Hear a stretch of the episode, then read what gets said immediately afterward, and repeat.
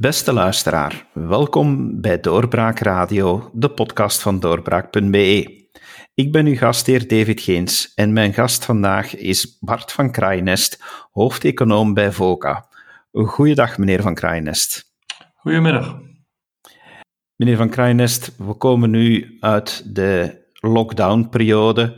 We beginnen onze economie terug op te starten. Dat gaat allemaal natuurlijk heel voorzichtig. Daar komen heel wat maatregelen bij kijken. Hoe kijkt u nu als econoom tegen deze situatie aan? Zitten we in de juiste richting? Ja, wel, we zien duidelijk uh, beterschap natuurlijk in de economie. Dat is niet uh, onlogisch voor de sectoren die in lockdown zaten, nu die er terug uitkomen. Uh, zie je daar wel wat, wat meer economische activiteit. Maar tegelijkertijd denk ik is het ook belangrijk om, om, om vast te stellen dat dat herstel maar inderdaad uh, heel geleidelijk gebeurt en dat we nog lang niet van deze crisis uh, vanaf zijn. Um, ja, dus zie je in heel veel sectoren dat die heropstart maar in stapjes gebeurt en ondertussen zie je ook dat er toch meer en meer tekenen zijn dat deze crisis wel een zekere structurele schade gaat uh, met zich meebrengen. Uh, veel bedrijven stellen hun bedrijfsinvesteringen uit, wat niet onlogisch is, gezien de onzekerheid die er vandaag heerst, maar die natuurlijk wel uh, ja, een langere impact heeft op onze economie. Je ziet ook de jongste dagen en weken meer en meer aankondigingen van ontslagen erdoor komen. Daar zijn we eigenlijk ook nog maar net mee begonnen. Um, dus ja, het einde van de lockdown is een belangrijke stap om door uit deze crisis te geraken. Maar het is, het is, het is zeker nog niet, uh, nog niet het einde. Uh, nog, nog lang niet, vrees ik. Economen praten nogal eens gemakkelijk over een U-vorm of een V-vorm als ze willen beschrijven hoe het herstel zal verlopen. In welke van de twee gelooft u?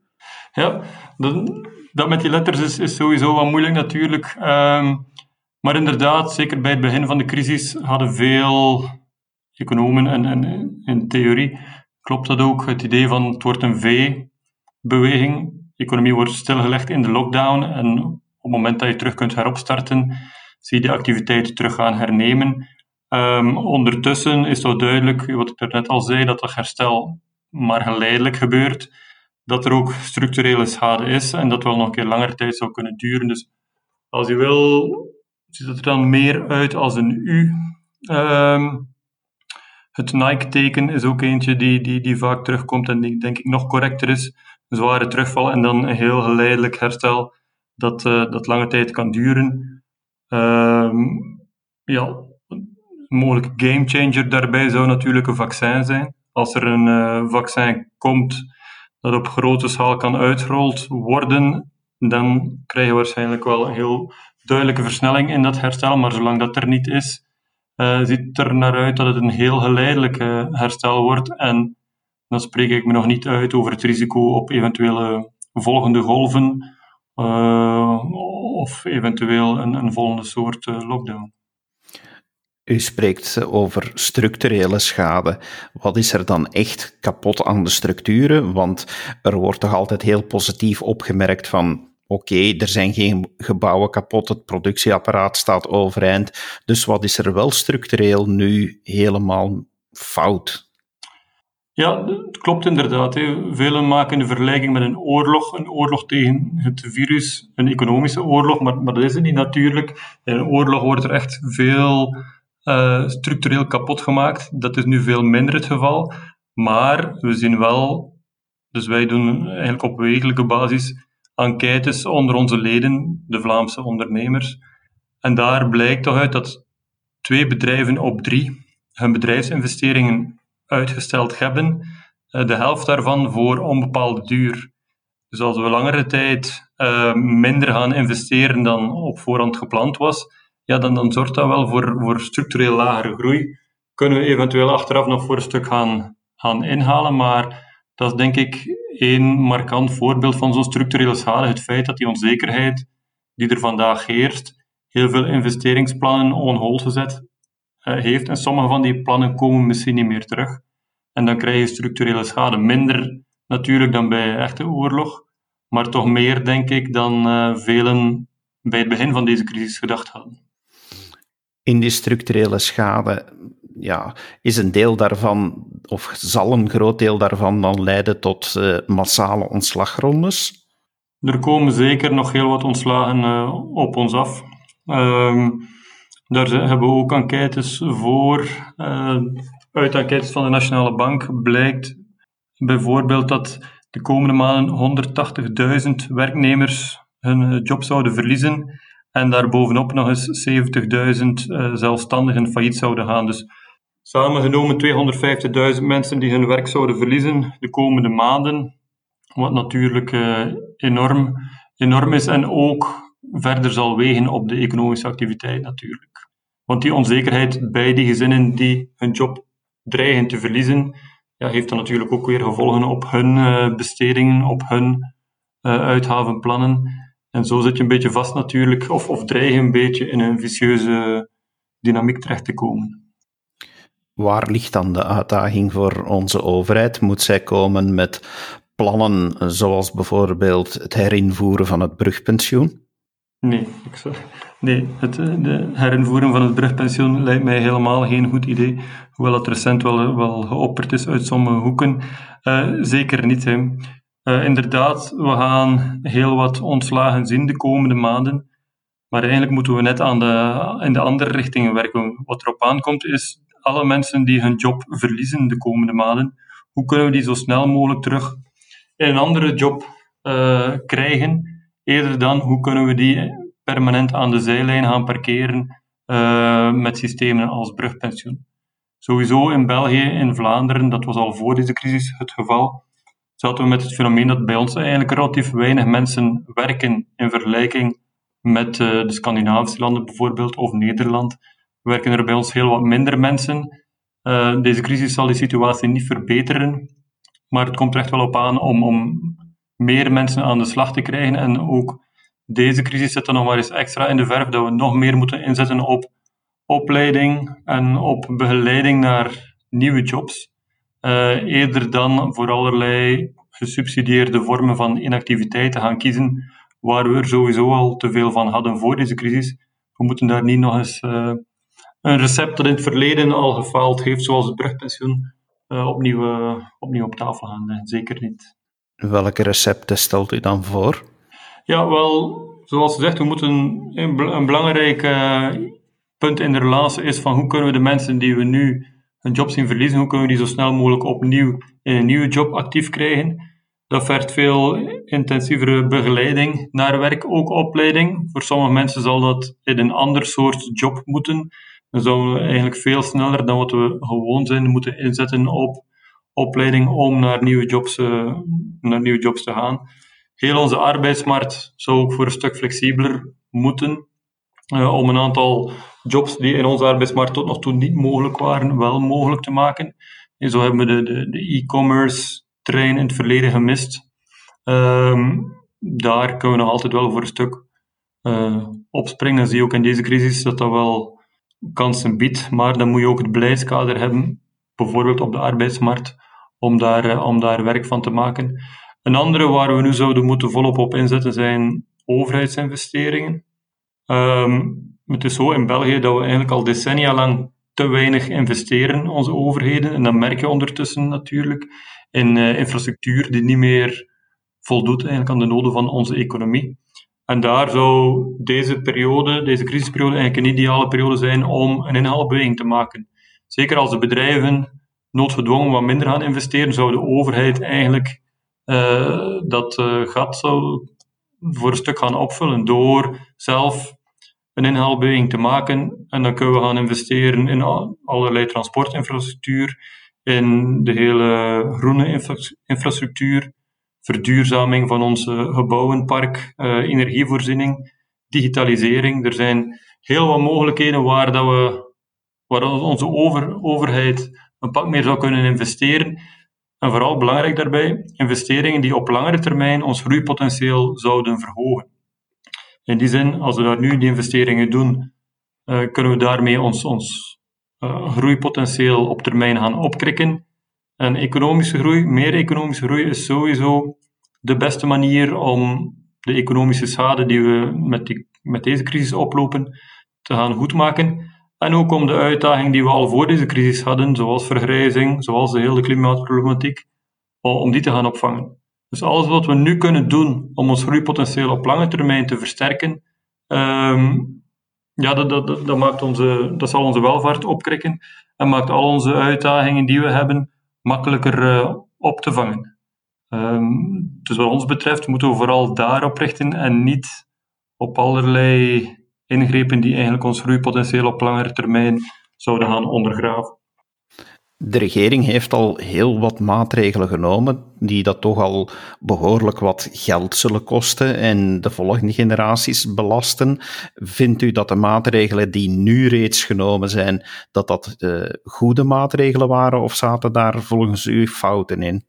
Ja, wat, wat we tot nog toe, of wat onze overheden tot nog toe gedaan hadden, hebben, is, is hoofdzakelijk gefocust op ja, overbrugging van de, van de crisis, overbrugging van de lockdown. En het idee van het is een korte crisis, die wel heel pijnlijk is, dus we gaan uh, maatregelen voorzien om bedrijven en gezinnen daardoor te, te helpen. Bijvoorbeeld tijdelijke werkloosheid is er zo een, bijvoorbeeld de hinderpremies uh, is er zo een.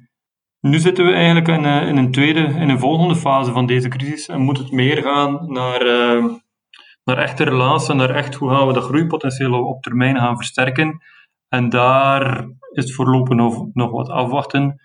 Uh, het voorbije weekend hebben we daar het, uh, de aankondiging gehad van een nieuw pakket maatregelen met onder andere uh, die horeca-checks en die gratis treinritten. Ja, dat gaat natuurlijk ons groeipotentieel niet gaan, niet gaan versterken. Dus daar is de logica denk ik wat ver te zoeken.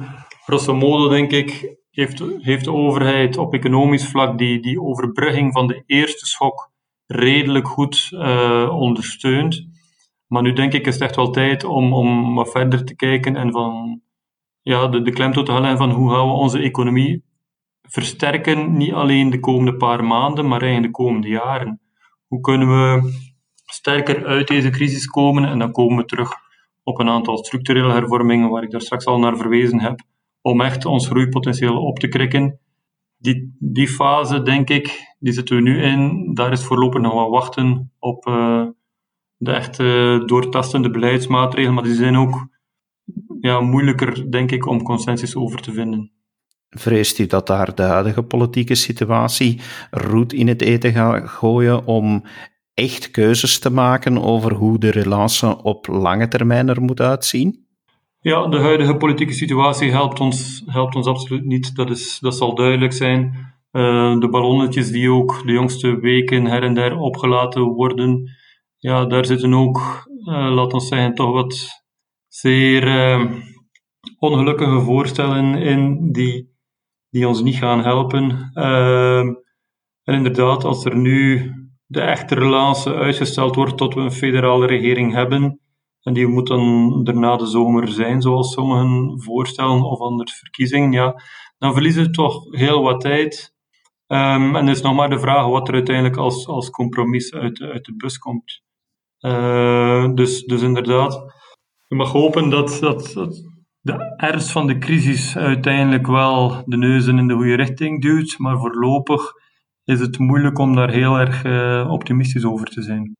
Um, kan misschien wel nog meegeven, in het verleden is dat een paar keer wel heel goed gelukt natuurlijk. Begin jaren 80, begin jaren 90 hebben we twee keer een groot hervormingspakket erdoor gekregen. Eerst met de devaluatie van de Belgische frank in 82, dan met het globaal plan van de, van de Hanen in 1993. Dat waren telkens echt grote pakketten van structurele hervorming van onze economie, die onze economie echt wel weer op de rails gezet heeft voor een stuk telkens kwam dat ook na een belangrijke economische crisis, waar toch voldoende, uh, ja, voldoende draag, draagvlak gecreëerd was om dan die hervormingen uh, erdoor te krijgen. Je zou hopen dat ook deze crisis uh, de aanleiding kan zijn tot zo'n pakket hervormingen waarmee we onze economie echt een aantal van de, van de handicaps die we al langer met, met ons meeslepen, dat we die kunnen oplossen. Um, maar ja, de, de huidige politieke uh, sfeer is daar niet echt uh, ja, veelbelovend, om het uh, zacht uit te drukken. Wat zijn de zaken die VOCA nu het meest dringende beschouwt voor haar leden? Wat, wat, ja, waar, waar ijveren jullie momenteel voor? Ja, zoals gezegd, in die overbrugging, denk ik, is, is het grootste werk gedaan. Ik denk dat er nog wel wat werk is op vlak van uh, solvabiliteit, maat, versterkende maatregelen naar KMO's toe, maar ook daar liggen een aantal dingen uh, ondertussen op, op tafel en, en, hopelijk komen die er snel aan. Um, maar dan is vooral gaan kijken naar die structurele hervormingen. Um, de arbeidsmarkt blijft wat ons betreft een heel belangrijke. Um, dat was voor de crisis al een handicap. Dat wordt nu alleen maar een grotere handicap. Hoe kunnen we ervoor zorgen dat onze arbeidsmarkt veel beter werkt? Hoe de vele inactieven, en dan komen er, daar komen er inderdaad straks nog een pak bij, in deze crisis, hoe kunnen we die allemaal uh, toch weer aan het werk krijgen? Tweede luik, dat denk ik iets te veel uh, of iets te weinig aan bod komt in, in, heel dit verhaal, is, uh, is onze export. Uh, België en zeker in Vlaanderen nog veel meer, is zeer afhankelijk van de export. Op Belgisch niveau is een derde van onze economische activiteit en een derde van onze jobs zijn direct of indirect gelinkt aan, uh, aan de export. Om maar te zeggen, die export is een veel belangrijkere motor voor onze economie dan, dan pakken we de horeca of, of de kleinhandel. En, en daar wordt voorlopig nog wat weinig op gefocust. We, kunnen dat, we hebben dat niet allemaal zelf in hand natuurlijk. Hangt, daarvoor hangen we, voor de export hangen we natuurlijk voor een belangrijk stuk af van wat er in de landen rondom ons gebeurt. Maar we zouden toch zeker uh, ja, heel veel uh, aandacht moeten blijven hebben voor, onze, voor de concurrentiepositie van onze exportbedrijven. Uh, daar heeft de regering Michel een aantal stappen gezet, maar de laatste jaren is daar in sommige hoeken een beetje het idee van oké, nu hebben we het wel opgelost op dat vlak. Maar dat is niet zo. Onze exportbedrijven hebben nog altijd te kampen met een aantal handicaps die in deze crisis, of in deze herstelfase uit deze crisis, uh, ja, toch, toch extra zouden kunnen uh, pijn doen. Bovendien komt straks ook de brexit er nog aan. Uh, mogen we ook niet vergeten, tegen eind dit jaar en ziet er meer en meer naar uit dat het een harde brexit wordt. En zien het belang van die export, ook naar Groot-Brittannië, maar ook naar de rest van Europa en de rest van de wereld, voor onze Vlaamse welvaart. Ja, moeten we daar toch zeker ook wel uh, aandacht voor blijven hebben, dat we uh, in heel deze crisis de exportbedrijven niet vergeten. Want daar halen wij heel veel welvaart uit is het dan belangrijk dat uh, Vlaanderen en bij uitbreiding België zich meeschaart achter het Europees herstelplan om ook de landen binnen Europa uh, de kans te geven snel te herstellen, zodat onze export naar die landen gevrijwaard blijft? Ja, um, ehm, 70% van de Vlaamse export gaat naar de rest van Europa. Dus als de rest van Europa herstelt, dan gaan wij daar ook van, uh, gaan wij daarvan profiteren. Dus in die zin is het bijvoorbeeld het feit dat de, de Duitse overheden uh, met massale stimulusplannen komen, helpt dat ons ook. Wij zullen daar indirect ook van mee profiteren. En inderdaad, een groot herstelplan op Europees niveau, als dat er zou door kunnen komen, daar gaan wij als Vlaanderen ook van genieten, omdat dat onze export mogelijkheden ook zal, uh, zal ondersteunen. Dus inderdaad, ik denk wel zo'n groot Europees Marshallplan, of noem het hoe je wil, uh, ook voor de Vlaamse ondernemers zou dat een goede, een goede zaak zijn. Um, maar ook daar is voorlopig nog afwachten of dat politiek geregeld raakt. maar in grote lijnen is het zeker zo dat wij in Vlaanderen veel te winnen hebben bij een sterk herstel in heel, doorheen heel Europa. Dat is zeker. En dan degene die zeggen dat we toch wat meer protectionisme moeten inbouwen, dat deze crisis ons geleerd heeft van dat uh, we soms in de globalisering te veel afhankelijk zijn van het buitenland. Vindt u dat een correcte analyse? Ja, wij zijn voor een stuk uh, afhankelijk van het buitenland, maar dat is natuurlijk omdat we zelf zo'n beperkte markt hebben. Mochten wij niet kunnen uh, deelnemen aan die export en aan die, aan die internationale handel, dan zou ons welvaartsniveau een pak lager liggen. Dus in die zin, het is zeker zo dat we een aantal lessen kunnen leren uit deze crisis, bijvoorbeeld rond die internationale waardeketens, dat die robuuster moeten gemaakt worden, dat we voor een aantal essentiële producten uh, ja, niet afhankelijk kunnen zijn van één leverancier ergens, uh, ergens in China, dat we dat, dat we dat meer moeten spreiden. Anderzijds denk ik dat we vanuit Vlaanderen toch vooral uh, moeten gaan kijken naar die eengemaakte, markt in Europa. Omdat we dan binnen Europa, denk ik, hebben wij het meeste te winnen. Uh, daarmee ook, zoals ik straks al gezegd, het meeste van onze exportmogelijkheden. Uh, eerder dan ons terugplooien op onszelf, denk ik dat we moeten mee proberen uh, aan de kaart te trekken om een aantal dingen op Europees niveau op te lossen. En op dat Europees niveau moeten we dan zeker ook wel uh, beducht zijn voor, ja, voor allerlei staatssteun die de, die concurrentie kan, kan, kan, kan vervalsen, als u wil, vanuit China, maar ook binnen, binnen Europa zelf. Die eengemaakte Europese markt, die vrijwaren, is voor ons ook heel, heel erg belangrijk. Ik denk dat dat belangrijker is dan een realistischer scenario is dan te zeggen van in Vlaanderen moeten we gaan terugplooien op onszelf. Mochten we dat gaan doen, dan zouden we wel heel veel welvaart gaan, uh, gaan inboeten. Uh, wij zijn een van de grote winnaars van die internationale handel en we moeten ook proberen dat zoveel mogelijk in stand te houden, wat mij betreft. Denkt u dat we moeten opletten voor bijvoorbeeld uh, Chinese koopjesjagers, dat zij uh, bepaalde industrieën of bedrijven nu aan heel goedkope prijzen zouden kunnen opkopen. Moeten we daar maatregelen voor nemen? Ja, we moeten er zeker, uh, zeker en, en, dat geldt weer al niet enkel op Vlaams niveau, maar op Europees niveau. We moeten er zeker beducht voor zijn dat wij inderdaad niet gewoon maar alles toelaten. Dat we, niet, we zijn streng voor onszelf en dan laten we andere partijen toe die veel minder streng zijn en die dan daarvan gaan profiteren. Daar moeten we inderdaad voor gaan opletten. We moeten inderdaad wel een stuk van eh, globalisering betekent niet van alles kan en alles uh, moet maar opengesteld worden. Uh, nee, we moeten ook proberen ons daar toch wel voor een stuk te beschermen tegen dat soort praktijken. Um, maar weer al, ik denk dat dat vooral op Europees niveau moet geregeld worden en niet zozeer op, op Vlaams niveau kunnen wij dat niet helemaal uh, alleen waarmaken, denk ik. Meneer Van Kraaienest, dank u wel voor uw toelichting. Graag gedaan. Beste luisteraar, we rekenen erop dat u nu ook weer veel meer en veel beter kan volgen wat er allemaal gebeurt in onze economie. We blijven het uiteraard ook op de voet volgen, samen met enkele specialisten. Dus luister zeker ook naar de podcasts die we reeds online hebben, maar die er nog zullen komen. Graag tot de volgende keer. Dag. Dit was een episode van Doorbraak Radio, de podcast van doorbraak.be. Volg onze podcast op doorbraak.be/slash radio of via Apple Podcasts, Overcast of Spotify. Bezoek ook onze website op doorbraak.be en steun ons door een vriend te worden van Doorbraak.